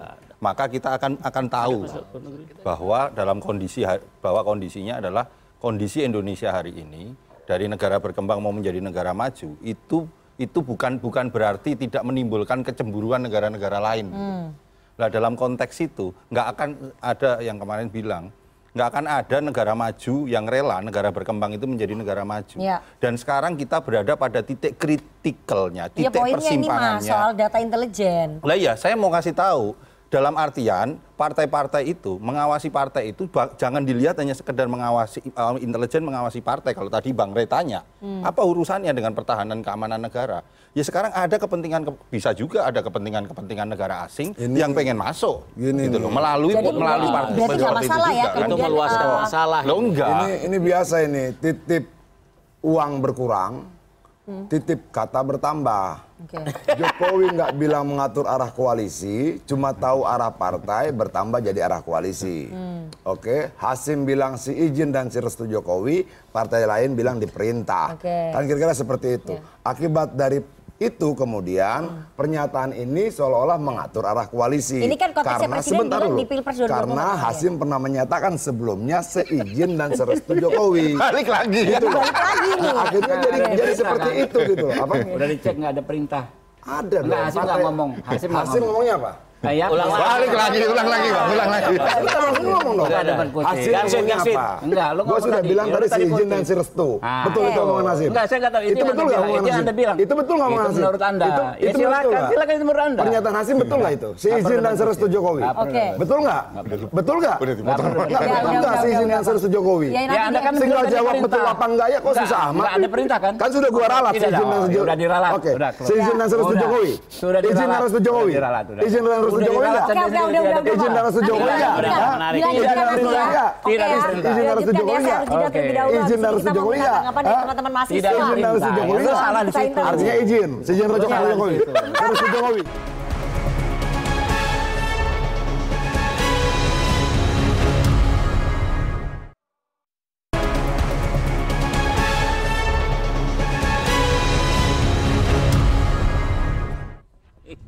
Terima kasih Anda masih bersama kami di Political Show dan kita akan langsung bergabung dengan teman-teman Badan Eksekutif Mahasiswa Universitas Udayana Bali. Silakan sudah ada siapa? Teman-teman dari Udayana kayak dari tadi serius banget mengikuti perdebatan di sini. Putu Bagus sama Rizky, saya juga sampai batuk-batuk nih, silakan. Siapa duluan, mau Putu Bagus atau ah, Rizky? Baik. ya, baik, saya duluan, Mbak. Oke, baik. Uh, selamat malam para narasumber yang saya hormati dan juga terima kasih atas waktunya Mbak Arifana. Perkenalkan, saya Permana Negara, Ketua BEM Universitas. Di sini kan pertama, uh, saya paham bahwasanya laporan intelijen bisa disampaikan kepada pimpinan tertinggi, baik kepada kementerian maupun Pak Jokowi gitu. Namun saya heran, di mana letak merah politiknya gitu. Seorang presiden menyatakan hal ini dalam ke publik jelas ini penyalahgunaan kekuasaan gitu. Apalagi dalam agenda cuaca beliau di Rakernas, Seknas Jokowi kan relawan seperti itu. Nah, apa sih urgensinya gitu? Dan memang apakah ini beliau memang sengaja menggertak dan menyatakan beliau merupakan pimpinan tertinggi dan memiliki wewenang untuk acak-acak koalisi kah? Lalu lebih lucunya lagi, partai-partai ini malah mau mewajarkan gitu. Tidak ada sedikit pun merasa sedihkah dapurnya diacak-acak gitu. Dan kita lihat okay. di sini ada peluang kepentingan gitu. Beliau merupakan Pak Lurah memiliki seorang kader partai gitu. Dalam tanda kutip di sini kan lu punya kader partai lu bisa punya jawaban gitu lebih awal. Okay. Jadi memang yang saya tanyakan adalah adakah pihak-pihak yang diuntungkan sekarang dari pernyataan beliau ini dan memang mengingat dalam beberapa kesempatan beliau memanggil orang ke istana gitu. Jadi okay. saya rasa ini merupakan hal yang cukup kritisi bersama bahwasanya beliau memiliki peran penting dan vital untuk melakukan arah koalisi. Seperti itu sih Mbak. Oke ini bagus banget nih ya mahasiswa berarti mahasiswa aja ngerasa kok partai-partai pada wajar-wajar aja gitu. Ini bagus nih. Uh, satu lagi. Wajar gue doang.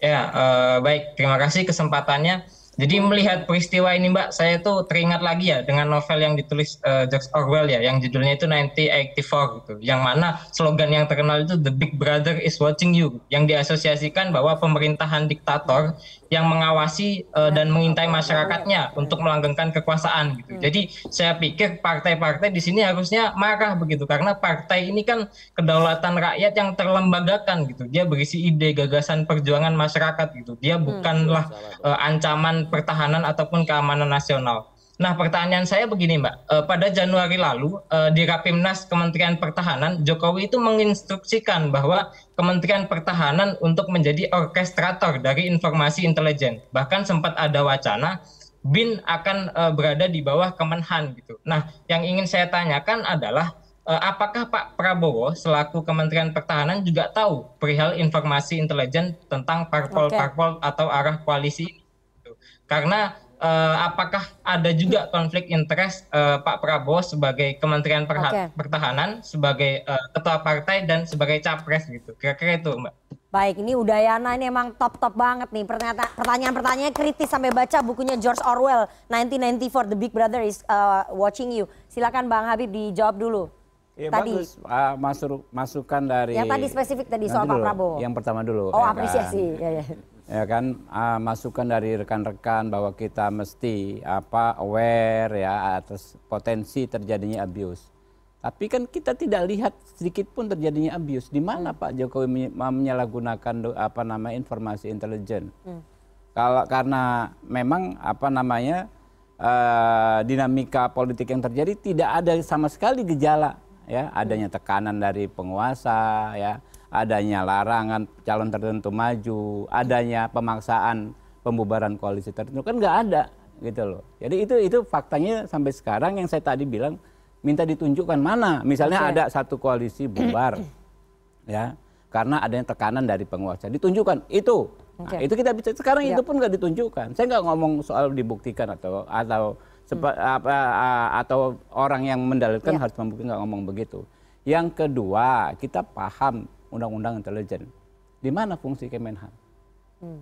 Ada nggak peran Kemenhan di undang-undang intelijen? Ada nggak gitu loh? Hmm. Nggak ada kok. Bukan di Kemenhan kok. Hmm fungsi intelijen. Jadi Pak Prabowo juga tidak tahu ya, ya soal tahu. data intelijen itu. Nggak ya? tahu, mau okay. tahu dari mana? Anda kutip pasalnya di mana fungsi ya. apa Kemenhan dalam uh, konteks ke, apa namanya intelijen. Oke, okay, oke, okay. silakan uh, Bang ya. Adian. Ini partai-partai itu harusnya merasa khawatir begitu Gini loh, dengan pernyataan presiden. Kalau nggak mau diintervensi, jangan selalu bilang tunggu arahan presiden. Balik lagi. Tunggu restu presiden tunggu izin presiden. Kalau partai Ini... ngomong sebentar dulu dong. Oke. Okay. Kalau partai ngomong tunggu arahan presiden, tung dalam menentukan pilihan politiknya ya, tunggu restu presiden, tunggu izin presiden segala macam. Dalam kata lain, dia ingin katakan intervensi kita dong, intervensi kita dong. Kan seperti itu. Hmm. Harusnya dia katakan in, kami partai berdaulat atas keputusan politik kami terhadap pilihan capres, cawapres dan sebagainya tidak butuh arahan presiden, tidak butuh izin presiden, tidak butuh restu presiden. Tapi kalau kemudian bilang ini atas izin presiden, atas restu yeah. presiden, artinya apa? Artinya mereka bilang intervensi dong kita. Oke. Okay. Kan seperti itu. Hmm. Kalau begitu apa?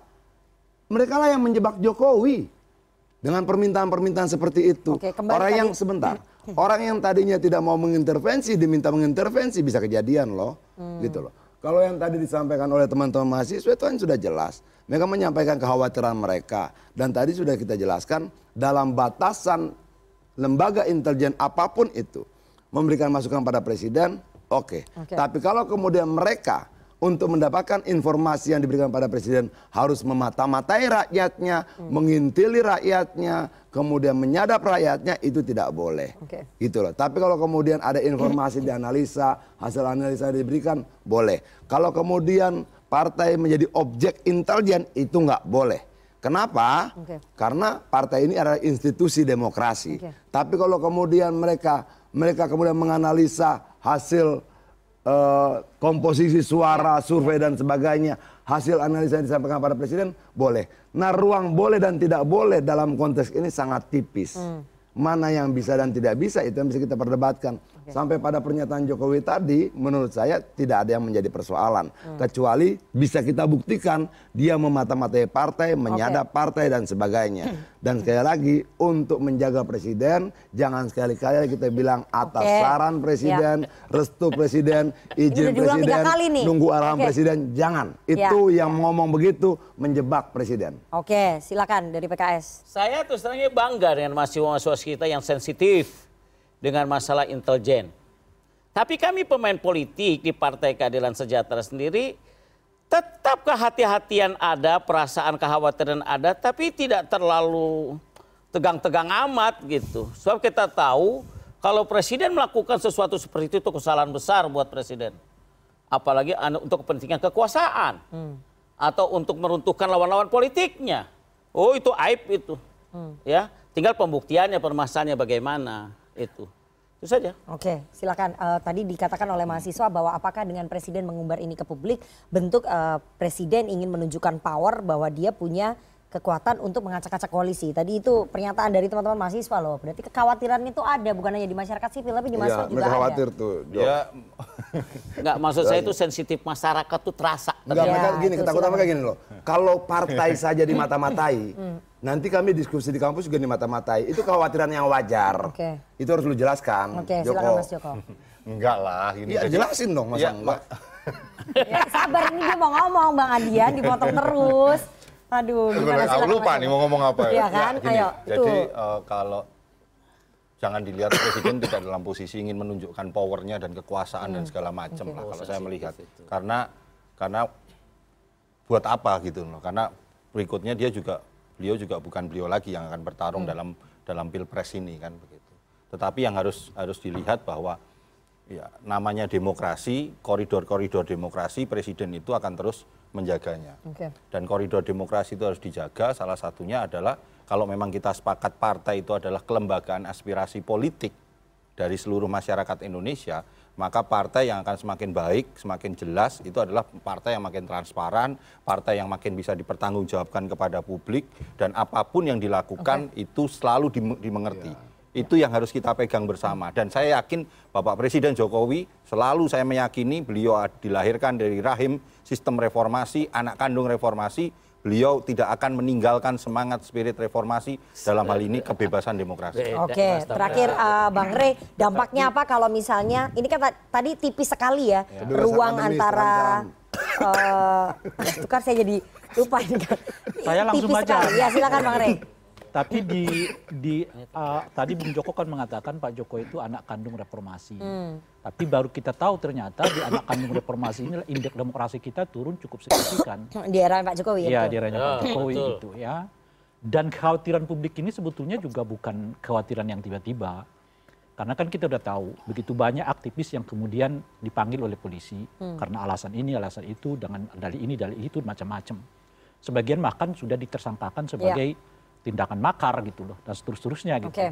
Kenyataannya bukan hanya di tingkat publik, di partainya juga menurut uh, penyampaian Pak Jokowi itu juga Pak Jokowi tahu hmm. apa arahnya mau ke mana macam-macam dan seterusnya itu gitu. Jadi kekhawatiran itu jadi berlipat. Nah sayangnya kekhawatiran ini kan mestinya ditangkap oleh DPR hmm. sebagai wakil rakyat. Bukan tiba-tiba kemudian anggota DPR mengatakan saya nggak bisa membuktikan itu. Bukan itu tugas DPR. Okay tugas DPR itu adalah menangkap keresahan masyarakat untuk disampaikan oh, kepada presiden. Nah sekarang muncul keresahan. Jadi keinginan tadi misalnya ini itu kan tafsirnya Joko. Yeah. Joko menyatakan bahwa pidato presiden yang 25 menit itu dalam rangka menenangkan publik. Ya. Kenyataannya kan yang kita lihat bukan tenang masyarakatnya, ya. malah kemudian jadi bertanya-tanya. Termasuk mahasiswa itu. Termasuk mahasiswa. Jadi tafsir Joko, tafsir Joko itu menurut saya kurang tepat dalam konteks ya. ini kan. Okay. Gitu kira-kira. Nah oleh karena itulah hmm. sekarang saatnya anggota DPR bertugas. Hmm. Tugasnya apa? Menangkap keresahan masyarakat itu. Okay. Karena kita tadi berdebat soal Komisi saya 3, merasa nggak mungkin, saya nggak merasa okay. mungkin. Lalu bagaimana mem, mem, membuktikan ketidakmungkinan persemu dengan kemungkinan persis saya itu. Hmm. Ada ruangnya di mana? Di DPR. Okay. Oleh Komisi nah, Oleh Komisi 3 ya, ya, nanti di Komisi 1 Komisi 3 kan. bukan okay. Komisi 7. Komisi Jadi 3. yang saya mau katakan itu adalah uh, anggota DPR itu bukan menafsirkan apa kata presiden. Hmm. Tapi Komisi 3 itu atau Dampak Komisi 1 dari omongan presiden itu apa, apa kata, yang kita... apa yang dirasakan oleh rakyat. Oke. Okay. Nah, rakyat resah nih. Oke, okay, ya. kita panggil nih. Tuh. Menko Polhukam, Menhan yang mewakili presiden ya. dalam forum itu. Okay. Tentu Oleh bukan Menhannya ya, ya, ya, tapi ya. bisa Menhan, bisa Menko Polhukam, okay. kar karena ada kaitannya, ya. ada kaitannya dengan pertahanan negara sebagainya. Ya, ya, nanti waktu waktu yang akan membuktikan ya seperti oh, apa. Jadi perlu dipanggil. Kemudian Panggil data intelijen yang dipegang oleh Presiden Jokowi ini apakah akan disalahgunakan ataupun uh, dipakai untuk kepentingan politik pribadinya presiden itu tadi jaminannya dari Mas Joko dari KSP nggak ada bahwa Joko presiden adalah uh, yang anak, penting anak itu kandung juga tafsir uh, ya, jalan jalan lain. Joko. kalau rakyat gaduh, sama dengan rakyat gaduh berarti ya. Joko gagal menjelaskan. Ini kita setelah ini akan mendengarkan sentilan ya dari teman-teman komisi.co tapi kita harus jeda terlebih dahulu. Jangan ke mana-mana tetap bersama kami di Politik Joko, ganti Joko.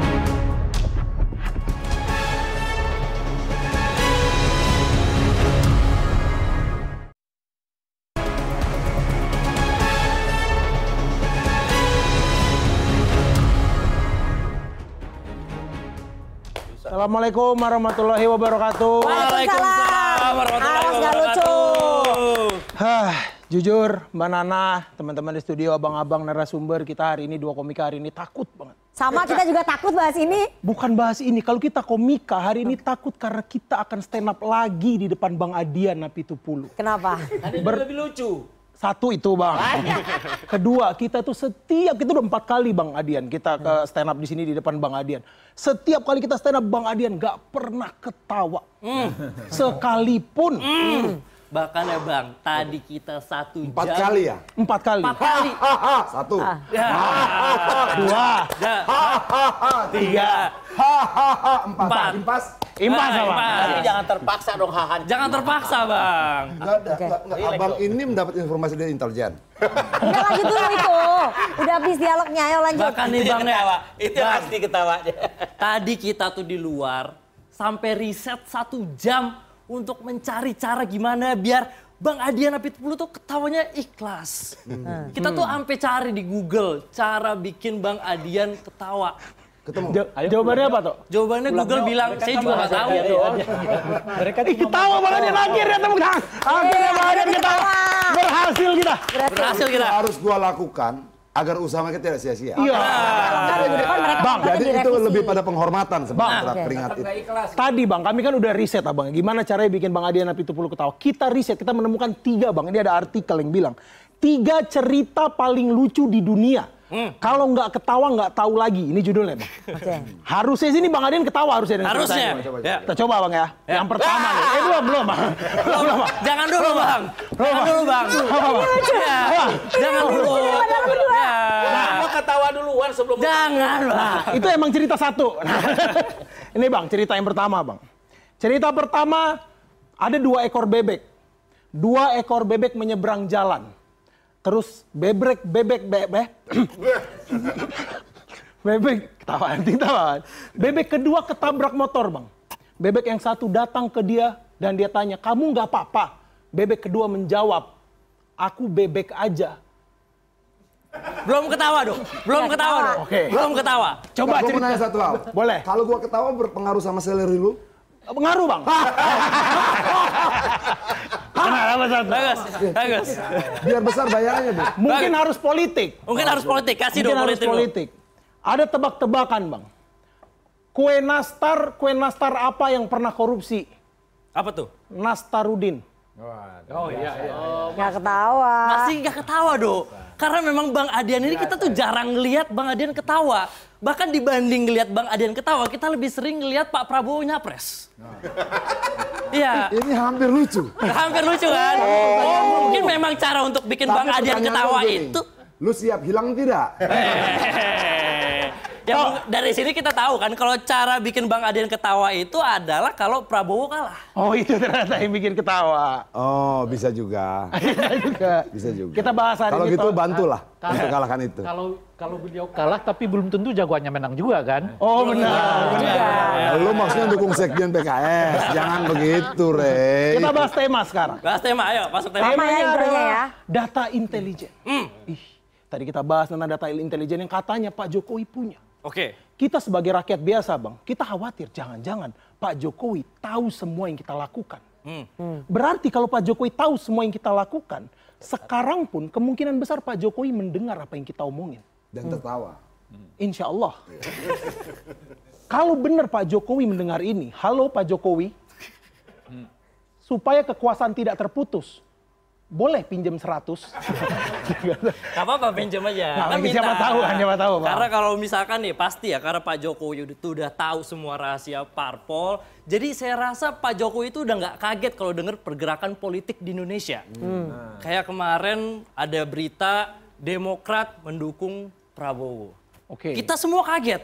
Tapi Pak Jokowi di rumah pasti kayak itu aja kaget. Oh, karena udah tahu duluan. Udah tahu duluan. Apakah itu lebih lucu dari kalian sampai Jokowi tertawa? Eh, itu harusnya sih enggak ya. Harusnya enggak. Enggak ya, enggak. Kita cari Pak jawaban Jokowi aman paling bagus. deh. Pak Jokowi paling aman. Hmm. Dan kalau misalnya ini buat partai-partai politik, berarti kalau misalnya benar Pak Jokowi tahu semua pergerakan partai politik, kita punya saran. Untuk semua partai politik di Indonesia, kalian harus melakukan sesuatu hal yang sangat-sangat mengejutkan. Apa? Contoh. Yang sampai Pak, Pak Jokowi itu nggak bisa nebak lagi. Misalnya Pak Prabowo tiba-tiba deklarasi cawapres. Ya. Tapi cawapresnya Karina Kapur. Kita nggak tahu. Kan kaget. Pak Jokowi pasti nggak ketebak. Itu terlalu kaget tuh. Kenapa jadi bawa terus yang diubur? Oke kita ganti. Kita ganti. Kita ganti. Kita ganti. Kita ganti. Minta ini, minta, minta. Coba sindir Anies dulu, sindir Sindir Anies, sindir Oh, Anies. Pak Anies misalnya. Pak Anies tiba-tiba Pilpres 2024 menang. Tapi Nggak ada tapinya, karena itu aja pasti udah kaget Pak Jokowi. Oh itu doang.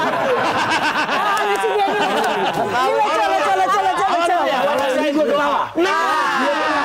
Nah, itu doang itu. Terus, terus, terus. Itu aja kalau gitu nama saya Aldo. Nama saya Duto. Terima kasih. oke, oke, lucu, lucu, lucu. Kontrak diperpanjang. Oke, terima kasih. Terima kasih sentilan dari teman-teman komisi.co, Aldo dan juga Duto. Tadi sentilan-sentilannya. Oke, pantunnya udah cepetan ini. Oke, cantik-cantik si anak darah. Oke, cakep. Anak darah asli dari desa.